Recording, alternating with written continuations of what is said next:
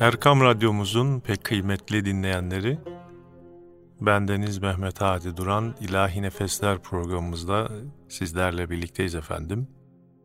Kelile ve Dimne okumalarına devam ediyoruz. Zorlu Evlat Vaktiyle işgüzar bir adam varmış. Çalışmak hususunda kusuru olmadığı halde, kazancı bir türlü masrafına yetişmediğinden gayet fakirmiş. Günün birinde oğlu olmuş, çocuğunun doğmasıyla beraber eve bet bereket de yağmaya başlamış. Gün gelmiş, adamcağızın geliri artık masraflarını fazlasıyla karşılar olmuş. Yavaş yavaş zenginlik emareleri bile baş göstermiş.'' Çocuk daha pek küçük yaştayken kılıç çekmek, ok atmak gibi silahşörlüğe pek büyük bir heves gösteriyormuş. Kendisini mektebe verdiklerinde mektepten sık sık kaçar, bütün vaktini talim meydanlarında silah kullanmaya harcar imiş. Ergenlik çağına ulaştığında baba oğlunu evlendirmek istemiş.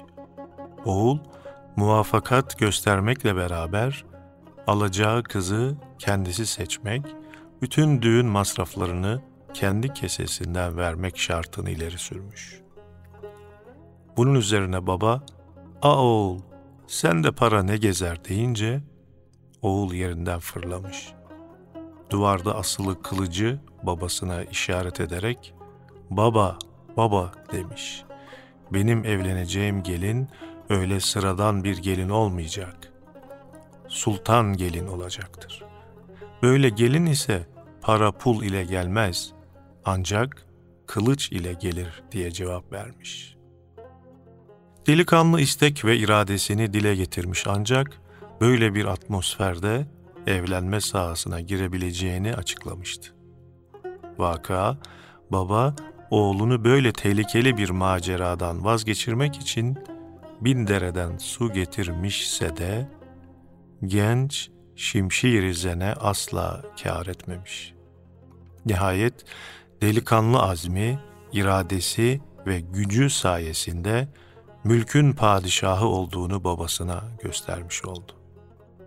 Yavru Şahin bu hikayeyi çaylağa anlatarak kendisinin de bir ikbale ermek için sahip bulunduğu bu cesaret ve kahramanlıkla bir çaylak yuvasında bulduğu bir lokmaya kanaat ederek vakit geçiremeyeceğini kat'i bir lisanla söyleyince artık diyecek bir şey bulamayan ana çaylak ona mani olmayı zait sayarak oğlu yerine koyduğu yavru Şahin'in yuvadan çıkmasına, terki mekan eylemesine canı gönülden cevaz vermiş.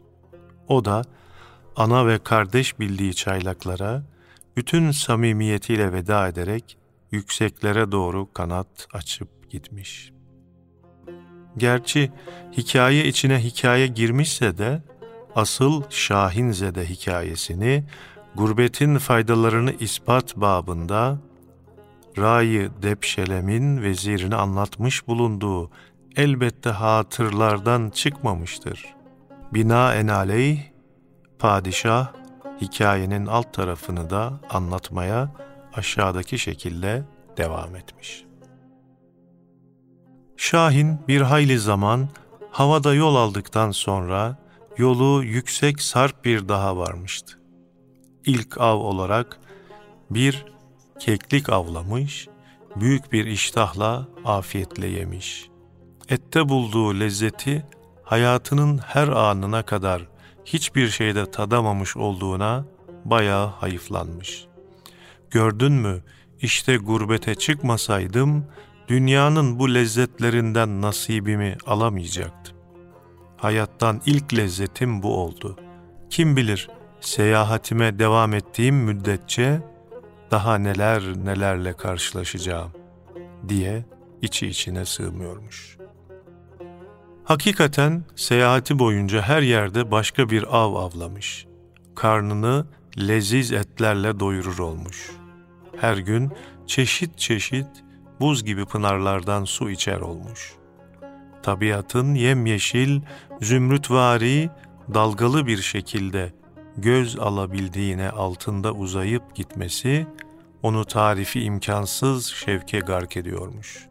Öyle ki, böyle her gün yeni baştan tazelenen, her gün yeni bir dünyaya doğar gibi yepyeni ülkelerde sabahlara gözlerini açması, çaylak yuvası gibi pis bir yer ve çaylaklar gibi aşağılık arkadaşlar arasında geçirdiği hayatla asla kabili kıyas değildi.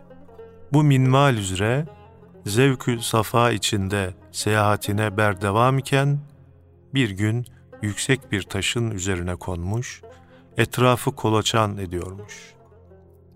Kalabalık mahiyetiyle bir padişahın ava çıkmış olduğunu görmüş. Tam o esnada peyda olan bir kuşun arkasından doğanı salıvermişler. Bizim Şahin bunu görür görmez yerinden ok gibi fırlayarak doğanın önünden avı kapı vermiş. Padişah kendi doğanının aczini, vahşi Şahin'in sürat ve kudretini görünce Şahin'e malik olmak hevesine düşmüş. Ne pahasına olursa olsun ele geçirilmesini avcılarına sıkı sıkı emreylemiş. Vahşi ve yabani Şahin'in arkasından alel acele terbiye edilmiş bir şahini saldırtmışlar. Bizim vahşi şahin, kendi cinsinden ehlileşmiş şahini görünce hiç istifini bozmamış. Bila fütur ve mülayemetle istikbal etmiş. Selam sabahtan sonra ehli şahin, padişah hizmetinde olan şanu şerefi yabani arkadaşına bir güzel ballandıra ballandıra anlatınca, zaten bizim Şahin'in de maksadı böyle bir mevki ve makama yükselmek olduğundan, elbette bir padişahın himayesine girmenin şerefini düşünerek, yapılan cazip teklifleri memnuniyetle kabul etmiş. Böylece padişah hizmetine resmen dahil olmuş. Netice-i kelam, Şahin, çaylak yuvasındaki nimet ve rahata kanaat etmiş olsaydı, bütün ömrünü çaylakçasına zillet ve tembellikle geçirecek, padişah kolu üzerinde yer tutmak gibi şerefli bir mevkiden mahrum kalacaktı. Filhakika, gurbetin zahmet ve meşakkati çoksa da, iyilik ve faydelerinin de haddi hesabı yoktur. Debleşem Şah, Vezir-i Azam'ının gurbet ve seyahat hakkındaki düşüncesini mezkür hikayeyi serdederek lisan hal ile reddeyledikten sonra ikinci vezir padişahı adab-ı erkan üzere selamlamış. Gereken medhü senayı ifa ettikten sonra padişahı arzuladığı seyahatten vazgeçirmek hususunda mülahazasını başvezir derecesinde olmamakla beraber mümkün mertebe arz etmeye çalışmış. Sadece cihanın doğruluğu padişahın tabına, sıhhat ve selametine bağlıdır. Binaenaleyh, hükümet merkezinde rahat ve huzur, zevk sefa varken, seyahat yorgunluklarına, gurbet zahmetlerine katlanmak caiz değildir gibi birkaç laf etmiş. Pek tabi Debleşem bu sözleri sureti kat'iyede benimsemeyerek şöyle bir mukabelede bulunmuş. Arslan yürekli büyük adamların şanına yakışan bu mihnet ve meşakkatlerden asla korkmamaktır. Kaldı ki padişahlar yorulmayınca fukara rahat yüzü görmez.'' Bir padişah, gece gündüz zevkü safasından, huzur ve rahatından başka bir şey düşünmezse, zavallı halk için refah ve saadet muhaldir. Bilmelisiniz ki nev-i beşer, padişahlar ve sultanlar, fukara ve miskinler diye iki büyük kısma ayrılır. memleketin idaresi bunlardan birincisine tevdi edilmiştir ki bütün yorgunluklar ve meşakkatler bunun içindedir. Huzur ve rahat da ikinci kısmın payına düşmüştür. Bir kimse rahat yaşamak istiyorsa, tebaa sınıfında bulunup saltanat işlerine burnunu sokmamalıdır. Yok eğer cihana hakim olayım derse, zor ve külfeti mucip saltanat yorgunluklarına, zahmetlerine sonuna kadar katlanmayı göze almalıdır. Bir yavru kaplan hikayesi bu hükmü tam manasıyla ispatlar. İkinci vezirin dinlemek arzusunu dermeyan etmesi üzerine padişah yavru kaplan hikayesini anlatmaya başlamış. Hikayeye geçmeden evvel efendim kısa bir ilahi molası verelim ve daha sonra programımız kaldığı yerden devam etsin inşallah.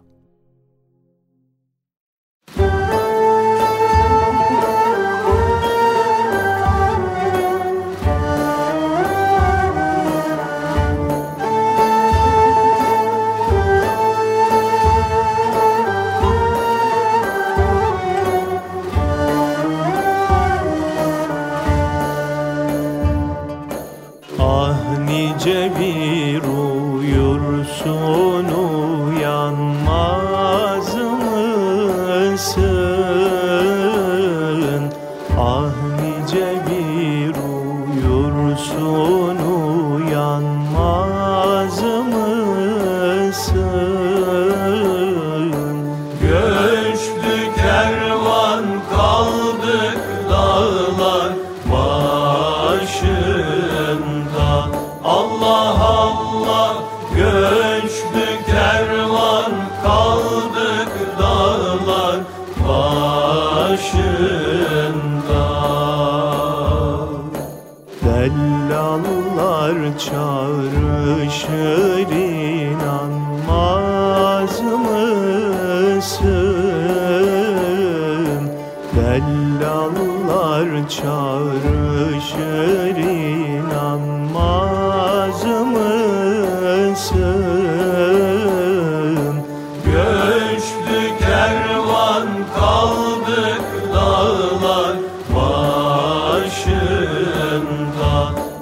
와.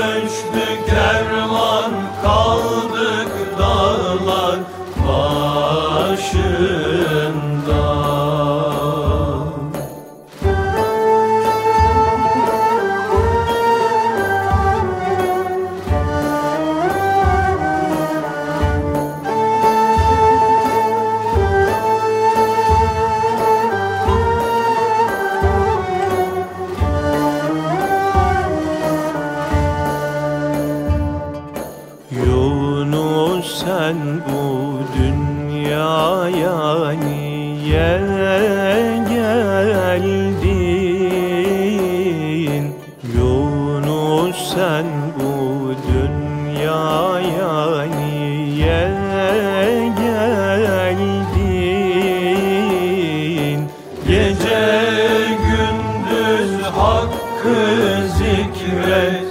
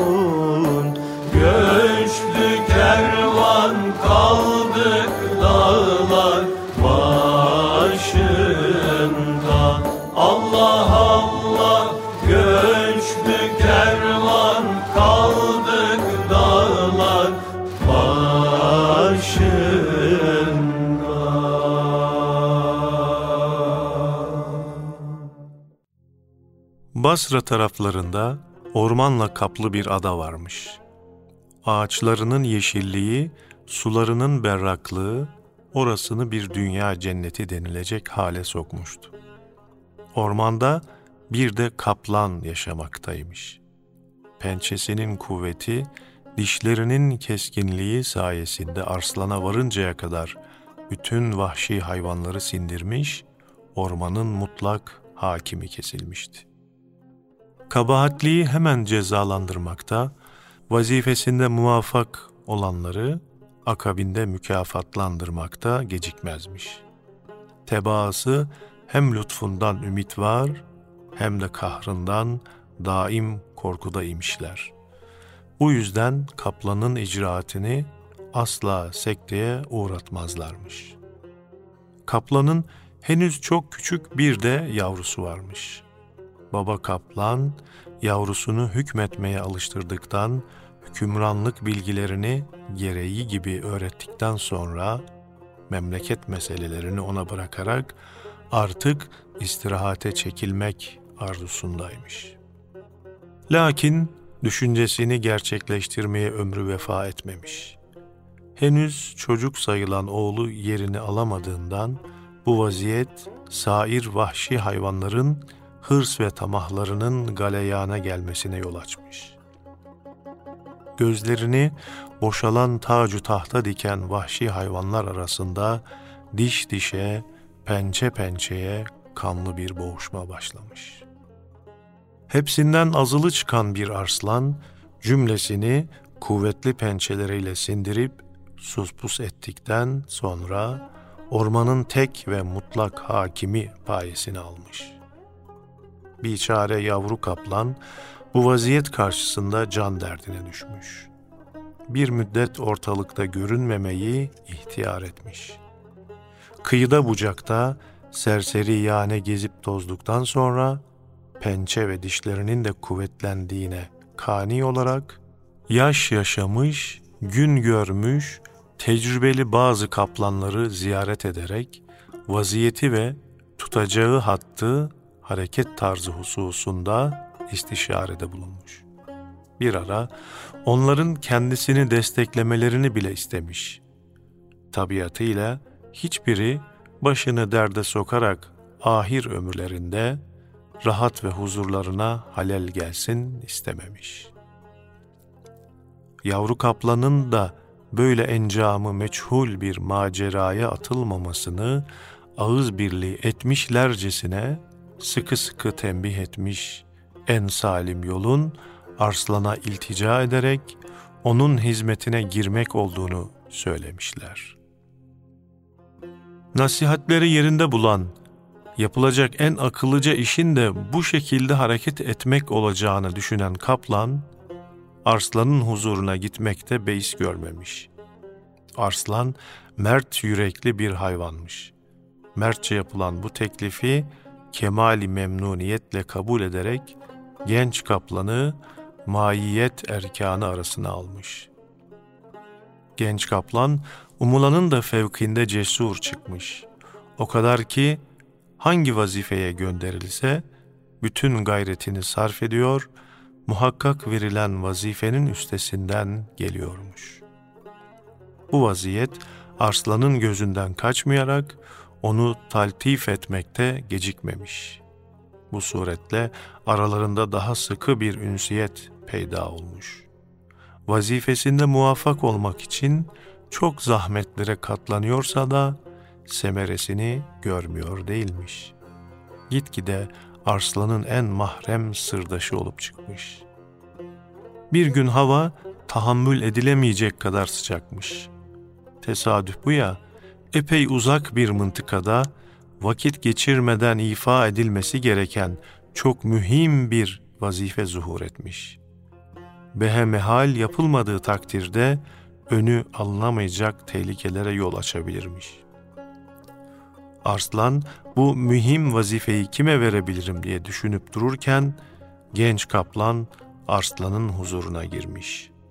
Arslan'ı düşünceli bulunca sebebinden sual etmiş. Meseleye vakıf olunca da Haşmet Meab Efendimiz vazifenin ifasına havanın gayri müsait olması bir engel teşkil etmez. kulunuza emredin, derekab gideyim, gereken vazifeyi ifa edeyim diye emrine amade olduğunu hulusi kalple beyan edince Arslan memnuniyetini izhar etmiş, arkasından hayır dualar ederek maiyetine bir miktar da asker katarak uğurlamış. Kafile sabahtan öğleye kadar durmadan dinlenmeden yol almış. Sanki gökten ateş yağıyor yahut esen rüzgar cehennemden esiyormuş gibi hava son derece sıcakmış.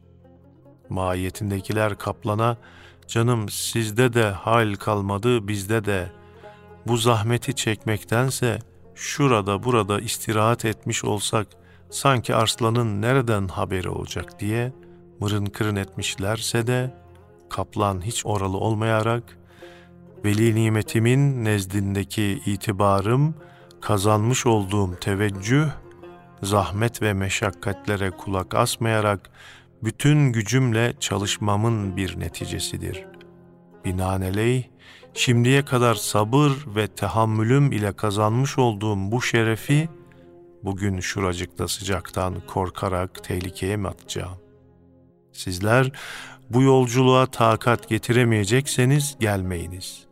Ben veli nimetim efendime hizmet yolunda asla fütur getirmem diye azim ve iradesini izhar etmiş. Yola berdevam kararında sabit kadem olmuş.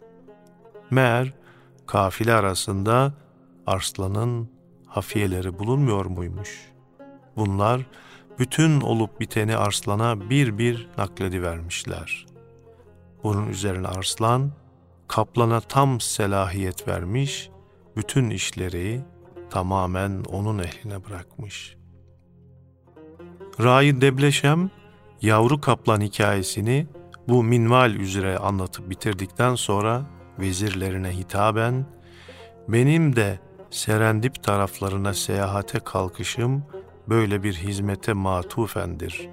Şayet sefer ve seyahatten ürkersem, maksadımı feda etmem icap eder. Bu ise imkansızdır. Sizler yokluğumu belli etmeyecek şekilde devlet işlerini görmeye devam edin. Ben de gönül rahatlığıyla gidip definede bulduğumuz vasiyetnamenin tavsiye ettiği hikmetleri bir güzel öğreneyim. Artık iki vezir padişahı azminden geri döndüremeyeceklerini anlayınca seyahatini tebrik ederek pür telaş sefer hazırlıklarına koyulmuşlar. Padişah bunlara mülkün idaresi hakkında birçok hikmetamiz nasihatler verdikten sonra hususi maiyetiyle yola çıkmış. Muhterem dinleyenlerimiz, bu birbirine bağlı hikayeleri anlatanın Padişah Hümayun Fal'ın veziri Haceste Ray olduğunu hatırdan çıkarmayalım. Hikayenin gerisini dahi vezir şu şekilde anlatmaya devam etmiş. Ray Debleşem bazen karadan bazen denizden giderek bir hayli yol almış. Geçtiği her yerin kendine has manzaralarını ibretnüma bir ayneye bakar gibi temaşa ediyormuş. Bütün bu latif manzaralar onun yorgunluğunu alıp götüren birer tılsım gibi ilermiş sanki. Hasılı Serendip adasına vasıl olmuş. Aynı ismi taşıyan dağın eteklerine serpilmiş mamure şehirlerin her birinde sefer yorgunluğunu giderecek kadar dinleniyormuş. Yine böyle bir gün ağır eşyalarını adamlarının muhafazasına bırakarak konakladığı yerden yanına sadece bir kişi alarak yürüye yürüye Serendip Dağı'na yollanmış. Orada büyük bir mağara görmüş. Beydeba denilen adı Hakim, Mihriban manasına gelen meşhur filozofun evi olduğuna anlamakta gecikmemiş. Mezkur zatı muhterem, ilmü fende ender rastlanır, envai çeşit hüner sahibi, geniş malumatlı bir piri faniymiş. Debleşem Şah, güya yüksek bir padişah sarayına giriyormuşçasına gereken izni alarak hakimin huzuruna girmiş. Rüyasında gördüğü defineden çıkan vasiyetnameyi Beydeba'ya arz ederek bu 14 vasiyetin yorumunu Feylesof'tan rica etmiş. Debleşem'in akıl ve hikmet kazanmak uğrunda bunca uzak diyarlardan seferin bin bir zahmet ve meşakkatlerine katlanarak çıka geldiğini bilip takdir eden Feylezof Beydaba, padişahın arzusunu yerine getirmek için nice günler onu mağarasında misafir etmiş, onunla uzun uzadıya halvet olmuş. İşte Kelile ve Dimne diye meşhur olup ünü şark ve garbı tutan kitap, Ray Debleşem ile Hakim Beydaba arasında 14 vasiyet üzerine cereyan eden sual ve cevaplardan ibarettir. Kitabın taksimatından olan 14 fasıl, yine bu 14 vasiyet esas mesnet tutularak meydana getirilmiştir. Birinci fasıl, hilekar ve fitnecilerin sözlerine padişahların asla kulak asmamaları hakkındadır. Debleşem Şah, bu makule insanların sözlerini Beydeba'dan sual edince, hakim bu maksadı izah sadedinde, öküz ile arslan arasındaki bir çakalın çevirdiği entrikaları şu şekilde bir hikaye tarzında anlatmaya başlamış. Efendim, bu güzel hikayeyi de ömrümüz olursa haftaya dinleyeceğiz inşallah. Bugün bize ayrılan sürenin sonuna geldik. İlahi Nefesler programımız bir eserle sona eriyor. Haftaya görüşmek ümidiyle Allah'a emanet olunuz efendim.